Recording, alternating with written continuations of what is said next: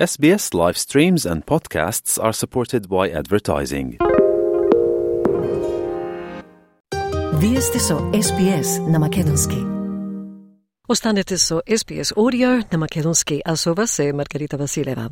Божик на широко се смета за време за подарување. Организациите на заедницата се надеваат дека повеќе луѓе ќе се согласат да го посветат своето слободно време за добра цел, бидејќи потребата за услуги постојано расте. Од прилогот на Дебра Гроак за SPS News. Yarra Ranges е општина која се наоѓа источно од Милбурн. Општината е главно рурално и живописно место. Но Питер, жител на оваа општина во последните 10 години, вели дека е исто така релативно изолиран во однос на транспортот. Тој вели нема јавен превоз откако се прекина возот во 1945 година. Единствените алтернативи се само превозот или велосипед.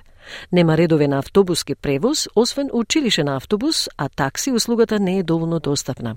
Има 10 километри до градот, така што тоа е пристојна прошетка, вели Петер. There's no public transport out here since the, the train finished in 1945. Here, your only alternatives are self-transport.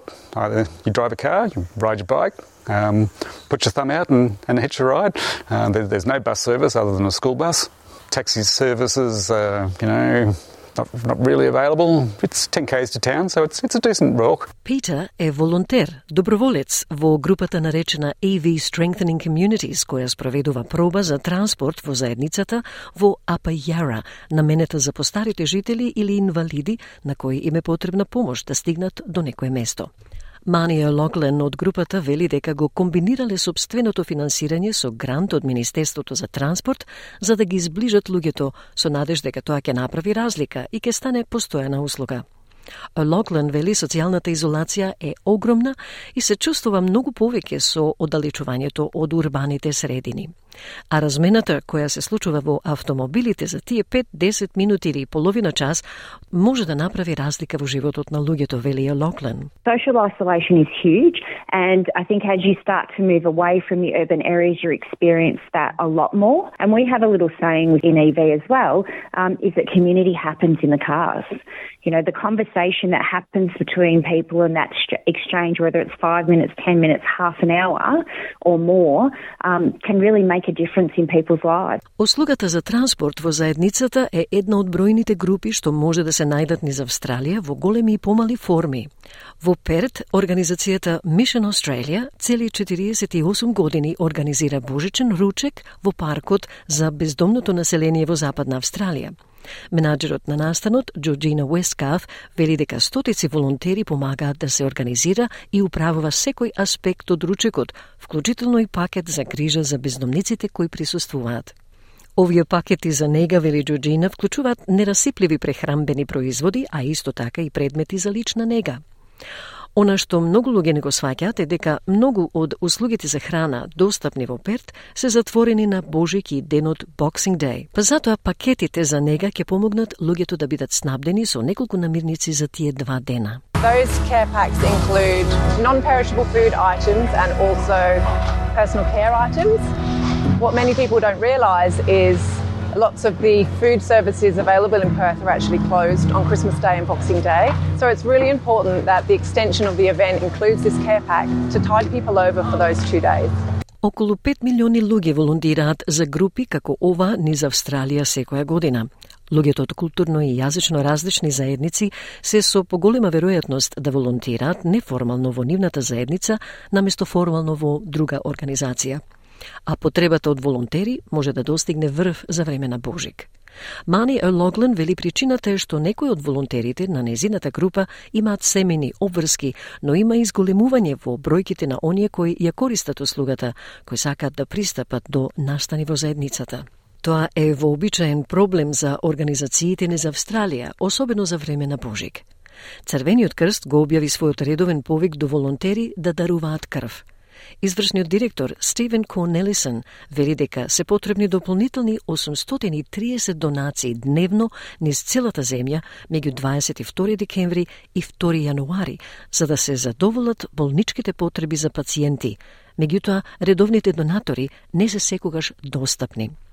Само еден од 30 австралици донира крв, вели Конелесен.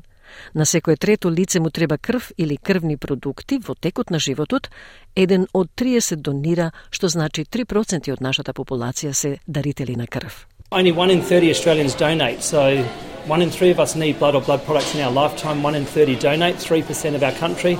We are relying on those a lot, and they, of course, take a break over Christmas as well.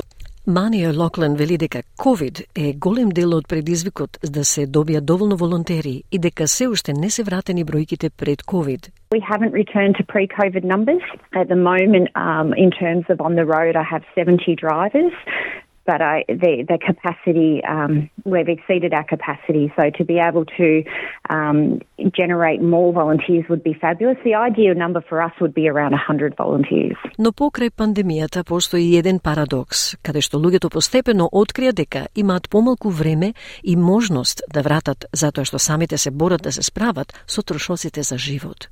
Мания Локлен вели дека за незината организација флексибилноста е клучна, додавајќи дека е важно да се истражи како изгледа волонтирањето.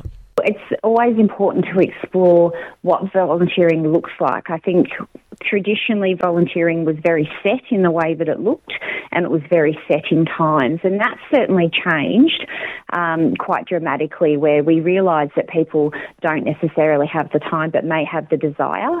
Um, so if someone comes to us to volunteer, we certainly explore what time do you have. Um, so in the example of driving, you may not have all day to drive, but you may have a couple of hours.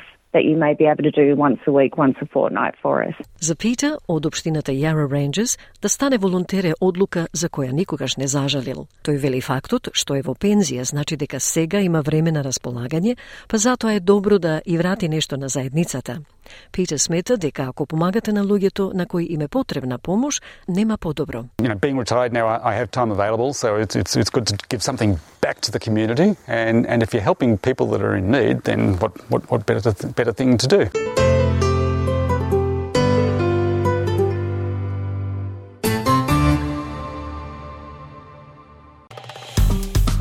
Стиснете, ми се допаѓа, споделете, коментирајте. Следете ја SPS на Македонски на Facebook.